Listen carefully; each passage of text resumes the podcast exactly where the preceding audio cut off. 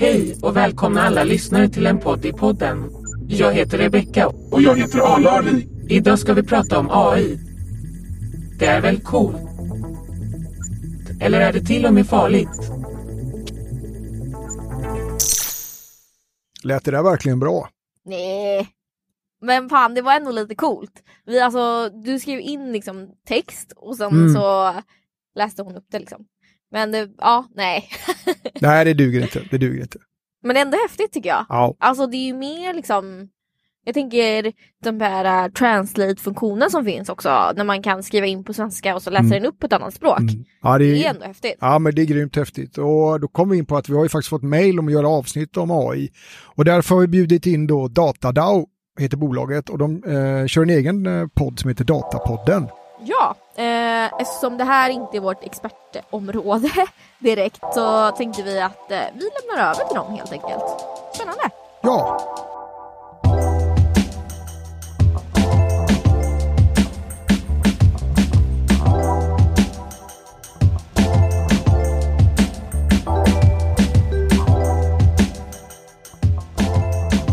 Hej!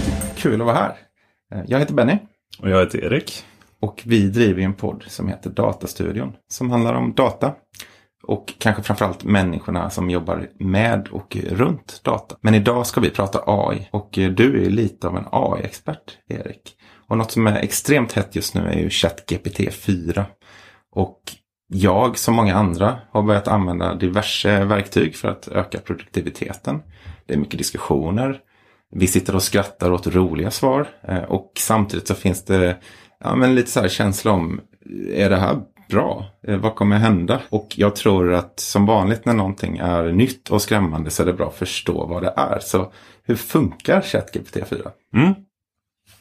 Så vi kan starta med att ChatGPT 4 och även om ni kanske stött på de här eh, nya konstgenererande eh, nätverken.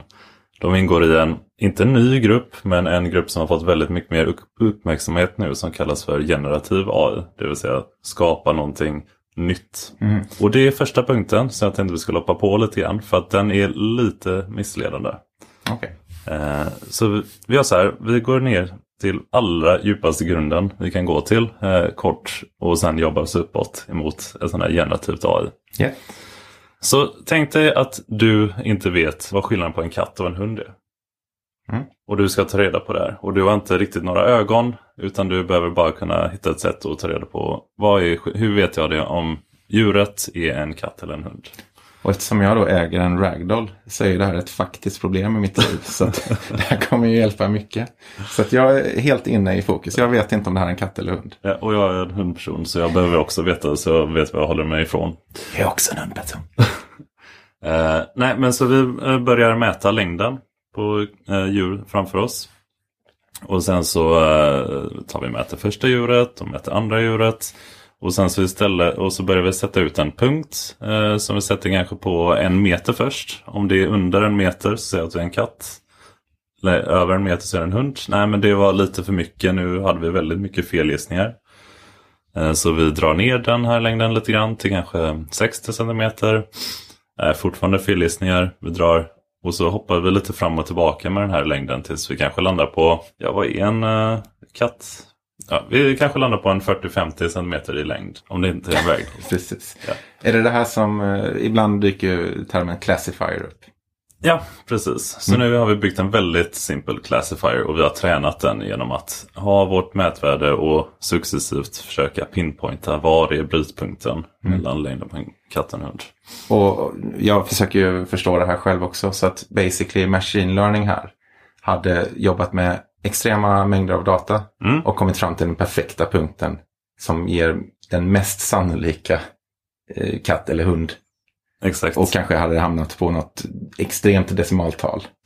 Precis. Eh, och sen finns det, så det finns flera sätt att skala det här på. Eh, det du nämnde precis är ett väldigt tydligt sätt. Ge den mer data för att eh, få högre precision. Sen nästa steg är att ta in fler mätpunkter istället. Så vi gör så att nu börjar vi också mäta eh, mankhöjden. Och vi kan ta på proportionerna svanslängd till kroppslängd. Så nu har vi tre stycken mätvärden.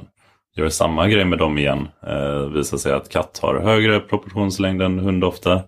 Så vi finetunar den till att vara, ja, om jag tänker på din ragdoll då, kanske vandrar på 30% av kropp, kroppslängd. Mm. Är det rimligt? Ehm, vi säger att det är rimligt. Ja. Nu, nu börjar det här med visuellt tänkande och Ja. mitt spatiala brist eh, påverka. här, Men Jag såg den ändå rätt nyligen så jag, jag, vi kör på 30%. ja, Eh, och helt plötsligt så kan vi få mycket högre precision. Så nu har vi vår, då när vi kommer till deep learning så har vi nu vårt första lager av eh, mätpunkter. Och när man börjar kalla det deep, det är man gör lager på lager. Så nu så behöver vi även koppla upp om den har en viss längd och en viss proportionsstorlek. Så ger vi en annan mätpunkt där. Och, då, och sen så börjar vi koppla upp alla de här mätpunkterna och till slut så blir det så djupa lager så att vi vet inte riktigt och det är då också där blackbox-biten kommer in. Att vi, vi kan analysera hur de här olika hänger ihop men det blir ganska svårt faktiskt att förstå eh, här djupt inne i lagren. Ger den mest eh, vikt till längden på djuret eller är det proportionen eller är det en kombination? jag älskar ju att skjuta ut liknelser. Mm. Så, så nu tänker jag på en riktigt komplex gryta. Där du, har kryddat den så mycket så att du inte längre kan isolera vad du behöver göra för att uppnå någonting. För att du Mm. vet inte komplexiteten. Ska jag addera mer eh, liksom umami i den här? Eller vad, vad har jag tagit vägen med smaken? Det är för många kryddor. Mhm. Vi gör en indisk curry. Ja, nej det är jättebra analogi. Den har jag aldrig hört innan. Så nu var vi uppe i en, eh, ja, men några lager kanske vi var uppe i en eh, sju, åtta vikter eller parametrar eh, som det kallas för. Och då, för att komma tillbaka till ChatGPT till exempel, så tror jag att ChatGPT 3.5 hade 175 miljarder sådana här parametrar. Det är ju väldigt många. Och därav namnet Large Language Model. För de är så extremt stora jämfört med vad man byggt tidigare. Men för att ta tillbaka det nu, för nu sa du en summa som eh, man inte kan förstå som Nej. människa. Precis. Men varje parameter är skapad av en människa? Eller har det någonstans flugit iväg så att parametrarna börjar skapas av modellen själv? Nej, varje parameter är skapad av en människa. Och sen så, det är lite mer eh, invecklat än så. För i nya, när deep learning kom från början så gjorde man bara lager på lager. Men nu för tiden så har man olika arkitekturer också. Så man gör lager på lager, man gör lager som lyssnar på andra lager, lager som går fram och tillbaka och lite sånt. Och det senaste då kallas till exempel transformers eh, där man Just börjar lyssna tillbaka på tidigare information på ett, annat, på ett nytt sätt och börjar klumpa ihop information på ett annat sätt. Och för poddlyssnare nu då, så ska vi ta tillbaka det här. Vi har gjort en curry med 175 miljarder kryddor. Exakt. Omöjligt att förstå, därför känns det som magi. Men det är ju viktigt att varje enskild krydda är en människa som har lagt dit. Mm. Problematiken här kanske är att om du ska börja få den här smaka bättre, vad, vad ska du börja liksom? Alltså du, du vet ju inte. Det är helt omöjligt för oss att förstå vad nästa parameter gör. Mm. Och sen nästa punkt på det här då är den eh, generativa biten. När vi tänker generativt så tänker vi ofta att det skapar någonting som inte finns innan. Och det är faktiskt inte sant. Den kan inte skapa helt nytt. Däremot så får man väldigt enkelt känslan av det för att den baserat på eh, texten du skriver till ChatGPT så kanske den inputen är något nytt den inte sett innan. Och då för att den försöker alltid gissa vad som kommer härnäst. Och då eh, för att få en så bra gissning som möjligt så kanske den sätter ihop olika punkter i en struktur som inte har funnits innan. Men den har inte tänkt upp någonting nytt. Det är lite som att vi inte kan skapa materia. Ja, lite som att vi inte kan skapa materia, bara bygga om den. Exakt. Och nu nämnde du också att den försöker gissa. Och det är väl det som brukar kallas probabilist. Jag kan inte säga det här ordet. Probabilistisk modell. För det finns andra typer av modeller också. Men den här, om jag... Ja, jag, jag tror till och med man kan göra ChatGPT då deterministisk. Eh, för om man är inne och leker med deras API så kan man eh, dra i en, eh, vad heter det? Eh, En slider. en slider ja, Ja. exakt.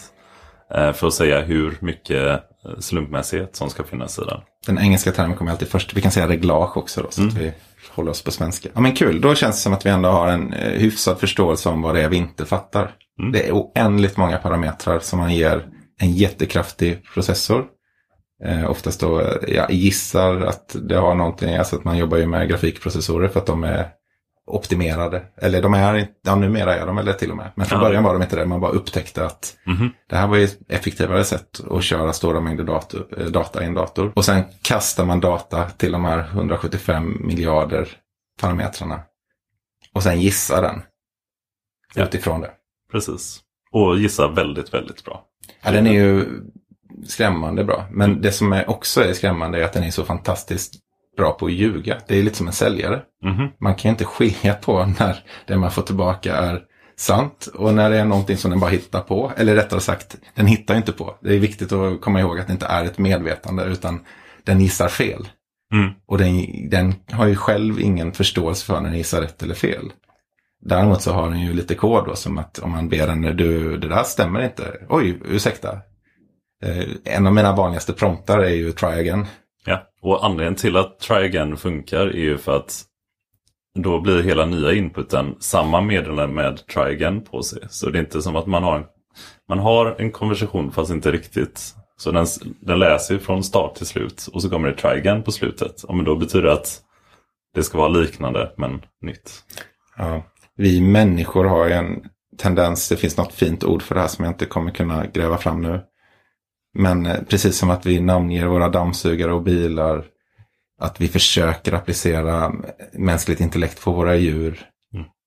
Så självklart när någonting konverserar med oss i chattformat så är det väldigt lätt att glömma att det, det är en avancerad gissare Mhm. och en algoritm man pratar med.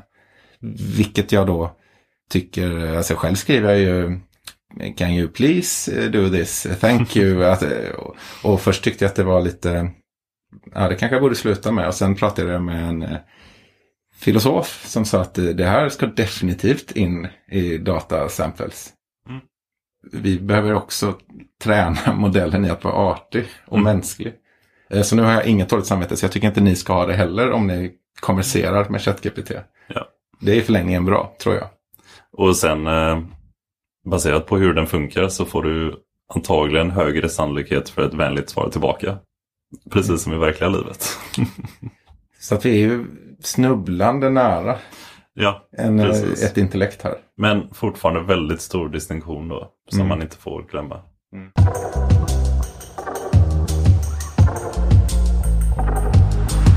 Om vi ska ta det tillbaka till lite tidigare varianter av machine learning då. De vanligaste områ- områdena hittills, de lågt hängande frukter, eh, har varit mycket i områden där det har just regler kring signaler. Så om ni kommer ihåg katt och hundexemplet. Istället kan det vara att du lyssnar på eh, ljudet en motor gör när du sitter och testar en motor. Olika mätpunkter och sen så istället och så har du en bunt regler.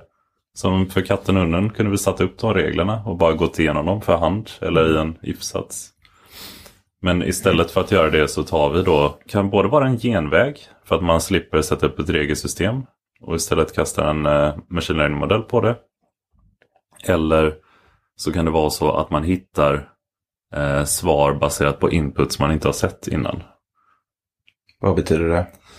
Så precis som i ChatGPT-exemplet så är det inte så att den, den skapar in, inte nya saker på det sättet utan du har skapat en ny input som den inte har sett innan. Och då måste det bli ett nytt svar. Mhm. Jag förstår. Så på samma sätt, vi i våra regeltänk då. Mm. Eh, Det finns ett scenario med om den här mätaren är 40 grader och den här eh, strömtillförseln är 2 ampere. Ja men det har vi aldrig sett innan så vi har inte tänkt på att bygga en regel för det. Mhm. Men då baserat på andra liknande grejer så kan vi veta att ja, men då ska vi... Då Eh. tänker jag ju omedelbart på, för det mest, alltså det som fick mig intresserad av AI från första början, jag är ju en spelnörd av rang. Och det var ju när, såklart när man försökte slå människor i schack. Mhm. Och det är ett väldigt basic regelsystem egentligen, som ju då skapar förutsättningarna. Men även en AI behöver en stund att tänka när man är i en spelsituation som är väldigt ovanlig. Och, och nu känns det som att det blir då en input som den inte har sett och den behöver komma med ett svar. Eller drog jag fel? Det är, så funkar inte riktigt. Alla svar och tillbakasvar borde ungefär ta samma tid. Okej. Den kanske låtsas tänka då. Ja, men ofta så när det kommer till just schack eh, Mm. så är det eh, ofta en mix av mer eh, algoritmer och machine learning i så fall. Så att mm, alltså det var, tog väldigt lång tid innan schack inte bara var rena algoritmer när man försökte hitta Mm. stråla ut alltså smarta algoritmer för att göra det väldigt snabbt fortfarande. Men Mm. försökte mer lista ut hur man skulle gå tillväga. Men om vi pausar det spåret. Mm. Så tänkte jag mer då på för att det var ett breakthrough när en schack-AI slog en människa. Mm. Men sen insåg man att en människa plus en AI slår ju en AI också. Eh, vilket jag då drar tillbaka till ChatGPT. Att än så länge så är ju för mig ChatGPT ett fantastiskt verktyg för att till exempel komma igång. Jag tror att många kan identifiera sig med den här, eh, nu måste jag göra det här men man orkar inte riktigt. Man ser strukturen framför sig men man måste producera. Det är lite fabriksjobb. Man har gjort det förr. Jag ska göra en powerpoint eller vad det nu kan vara. Jag ska göra ett stycke text som jag har gjort Mhm. tusentals gånger till. Då är det ju redigt gött att ha någon som, hej kan du skriva ihop någonting i den här strukturen och bla. Men det är fortfarande självklart så att jag behöver trimma svaret. Ja. Och där tänker jag att där kommer vi nog vara ett tag, gissar jag. Eller vad tror du? Absolut. Eh, och det om du följer det du berättade om precis då där med att man behöver, man har ett verktyg eh, som man använder till att göra någonting i sitt arbete snabbare. Men man behöver trimma det tills man får det som man vill. Precis det mönstret följer ju i princip alla sådana här verktyg, även innan det var AI. Du har din, eh, när Gmail kom och Gmail eh, började ge tillgångar till att sätta regler och sätta flaggor och allting. Ja, Gmail var ju ganska bra direkt när det kom. Men det kunde bli ännu bättre. Och när det blev ännu bättre så sparar det ännu mer tid. Mm. Och sen så finns det någon punkt där, ja men nu är jag eh, en inte en platå för du kan fortfarande förbättra. Diminishing returns. Ja, precis. Mm. Så att du kanske hittar någonting som gör att det går jättebra i ditt eh, arbetsflöde. Men du be- och du behöver inte trimma så mycket längre. Men Mm. det blir lite diminishing returns. Mm. Det är mer på det planet. Dra tillbaka det och tänk på det som ett verktyg. För det är Mm. det det är just nu.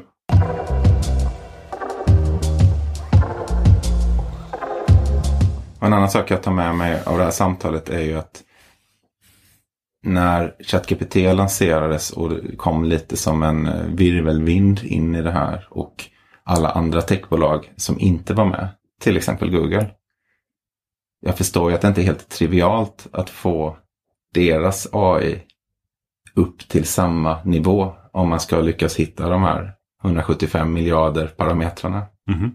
Och det är någonting att försöka göra nästa version låter väldigt komplext och kräver nog mycket tid och resurser. Eh, Men det känns ändå som att eh, åtminstone jag förstår lite bättre hur det här funkar och för första gången så är inte deep learning bara ett eh, coolt begrepp.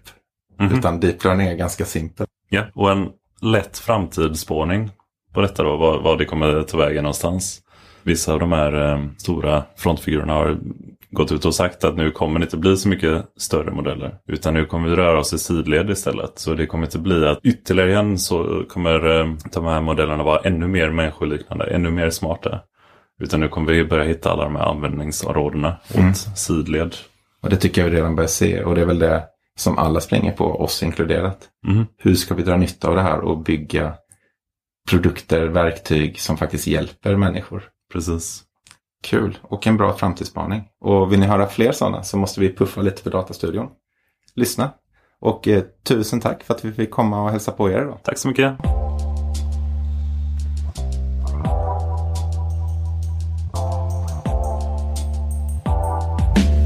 Ja, men tack så mycket våra vänner på DataDAO för den här mer tekniska fördjupningen av AI och eh, ChatGPT. För mig var det här eh, väldigt intressant. Dels för att förstå hur oerhört komplext det är men ändå skapat av människor så kanske behöver man inte vara, vara så rädd som vissa är för att AI ska ta över och förstöra hela världen. Nej, men jag håller med. Utan ser det mer som ett hjälpmedel och att det är liksom en människa i grunden som behöver skapa AI och lägga på alla lager. Det är inte så att den bara vet allt utan det finns liksom en människa som ändå matar in allting. Ja men det, det, det tror jag också. Sen vet man ju inte om det blir som i första, i det första eller andra Terminate-filmen när de säger när Cyberdyne Systems became self-aware och tog över världen. Mm. Men det är på film. Det är på film, ja. Men det är, det är många som är, om man kollar Elon Musk och flera Ja, säger att... jo. Så, så, men visst, vad, vad, men för mig tyckte jag det här var väldigt intressant. För jag, jag inte så att jag varit superrädd innan, men jag tyckte ändå att när människan sitter fortfarande i förarsätet. Ja, det kändes skönt faktiskt. Ja, det jag håller med jag. om. Nu ska vi ta lite sommarledigt, vilket känns lite skönt för eh, man börjar bli lite trött i hjärnan. Är trött på regnet också. För Ja. Någon säger att den här sommaren ska ju bli som sommaren 2018, men det har inte jag sett ännu i alla fall. Vi hade ju bra väder förra veckan. Tar du några semesterplaner? Ja, vi ska flytta, bara landa i det. Och det är Mm. ett stort jobb i sig skulle jag säga. Mm. Och själv då? Ja men det blir lite beachvolleyboll och ledigt. Jag ser fram emot att sova kände jag nu. och vara frisk. Och var, värme liksom. Värme, är det det bästa? Vad är bästa beachvolleybollvädret då? För ni spelar ju ute liksom. Mm. Ska det vara spöregn eller Nej. jättemycket sol eller vad ska Ja det vara? men precis, för man vill inte ha för mycket sol heller. Alltså det är 35 grader och stekande sol. Det Nej. är ju nästan värre liksom. Mm. Eh, jag ska återkomma i slutet. för vi tar ju en liten paus Just det. med podden Mm. eh, nu, nu under sommaren. Eh, men med det så tänker vi att eh, det finns ju sommarpratarna på P1. Eh, och vi vill ju tipsa om Max Tegmark som är forskare inom AI och fysik. Just det. Och han håller ju, talar ju då i P1 1 augusti. Så det är väl ett jättebra lyssnartips här från vår sida. Så hoppas vi att ni lyssnar på oss när vi kommer tillbaka. Precis, och då får du berätta hur din beachvolleyboll eh, sommar har varit och jag kan kanske berätta om flyttsommar. I alla fall flyttväder är väl lagom mulet. Man ska in och banka tavlor. Ja, exakt. Ja. Ja, men tack eh, så mycket för Tack för oss. På återseende och återhörande.